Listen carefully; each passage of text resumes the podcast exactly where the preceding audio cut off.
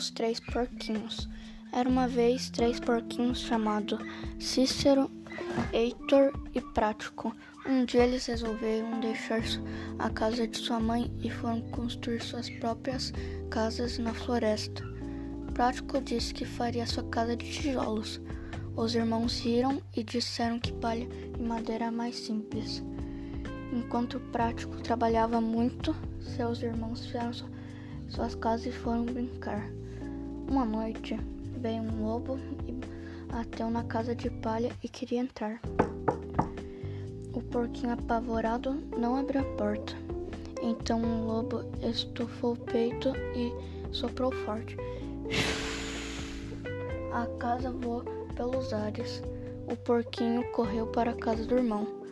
O lobo chegou e gritou, mas ninguém abriu a porta.